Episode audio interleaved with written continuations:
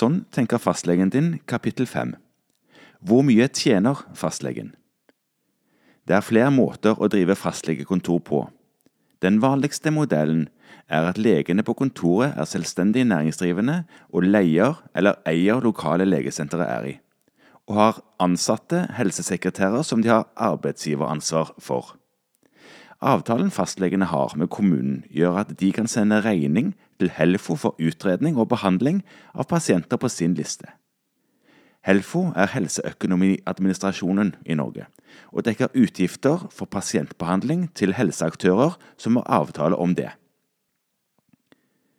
Muligheten til å sende regning til Helfo skiller fastlegen din fra leger i privatmarkedet som ikke har samme anledning til å kreve penger fra Helfo. Derfor koster det mer for pasienten å bruke slike legetjenester enn fastlegetjenester. Som fastlege får jeg ikke tilskudd for alle utgiftene som følger av å drive et fastlegekontor. Jeg blir ofte spurt om hvordan det kan være rettferdig at fastleger får betalt før de ser en eneste pasient. Jeg får nemlig basistilskudd, eller per capita-tilskudd, fra kommunen. Basistilskuddet utgjorde i skrivende stund 642 kroner per person på pasientlisten for de første 1000, deretter 526 kroner per pasient. Når jeg har 1200 innbyggere på min liste, utgjør basistilskuddet snaut 750 000 kroner per år. Mine kollegaer har lignende tilskudd. Det ville vært lukrativt om jeg før jeg løftet en finger hadde fått denne summen som en garantert årsinntekt, men sånn er det ikke. De økonomiske betingelsene er forskjellige fra fastlege til fastlege, men for meg er det slik at jeg begynner i minus hver måned. Basistilskuddet dekker ikke de faste utgiftene jeg har, så jeg må jobbe litt før jeg begynner å tjene til min egen inntekt. En alternativ driftsform er kommunale legekontor. Slike legesenter drives av kommunen, og legene som jobber der, har fast lønn. De sender fortsatt regning til Helfo for sine tjenester, men pengene går til kommunen. Det finnes også en mellomløsning hvor kontoret drives av kommunen, som også har arbeidsgiveransvar for helsepersonell, styrer daglig drift og datasystem og er ansvarlig for lokaler og vedlikehold, mens legene som jobber der, er selvstendig næringsdrivende. Legene har ikke ansvar for noe annet enn seg selv og betaler som regel leie til kommunen for å få jobbe på senteret.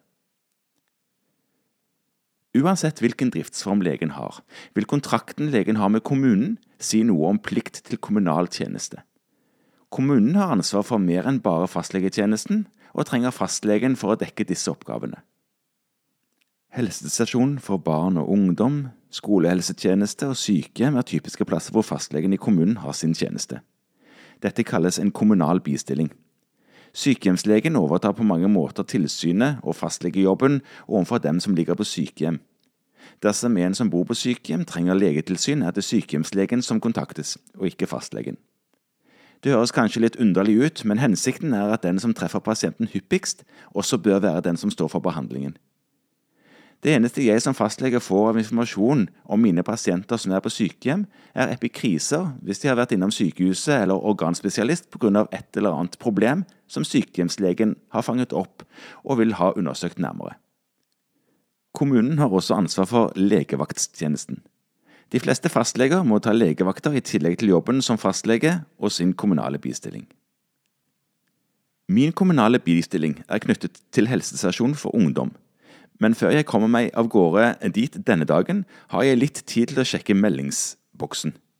Selv om jeg ikke har satt meg ned med den siden mandag formiddag, må jeg holde øye med den innimellom pasienter hele tiden. Plutselig er det noe der som ikke bør ligge lenge uten å tas tak i. Derfor sjekker jeg innom så fort anledningen byr seg gjennom dagen.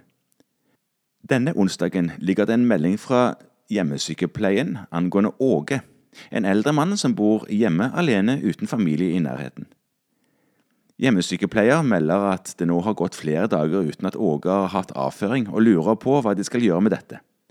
Jeg svarer hjemmesykepleien med en behandling som jeg vet fungerte bra for Åge sist han var forstoppet. Slike elektroniske meldinger gjør det lettere for meg som fastlege å samarbeide med andre om pasientene på listen min.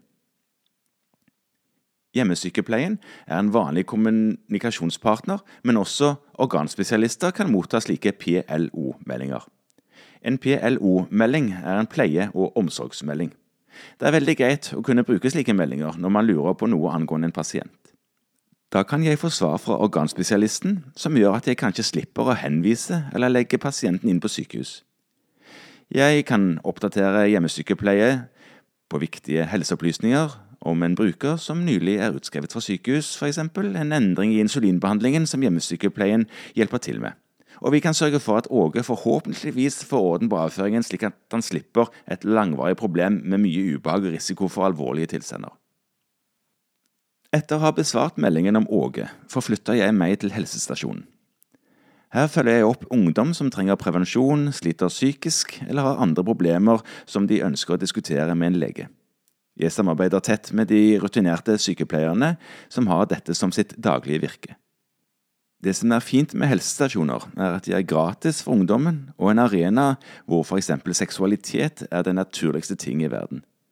Det gjør dem til et lavterskeltilbud for ungdommer og unge voksne som er i en vanskelig fase i livet, og et sted hvor ingen tema er tabu. Ungdommer synes også det er fint å kunne snakke med en annen lege enn den som hele familien kjenner, om ting som de synes er litt vanskelig eller litt flaue. Det kan ved første øyekast virke som en selvmotsigelse at jeg som lege på helsestasjonen skal være med på å fremmedgjøre ungdom fra sin fastlege, men jeg tror at dersom jeg klarer å møte ungdommen på en god måte, framsnakke fastlegen og være en trygg voksen, vil dette skape grobunn for god kontakt med fastlegen når den tiden kommer at den unge voksne blir for gammel til å bruke helsestasjonen.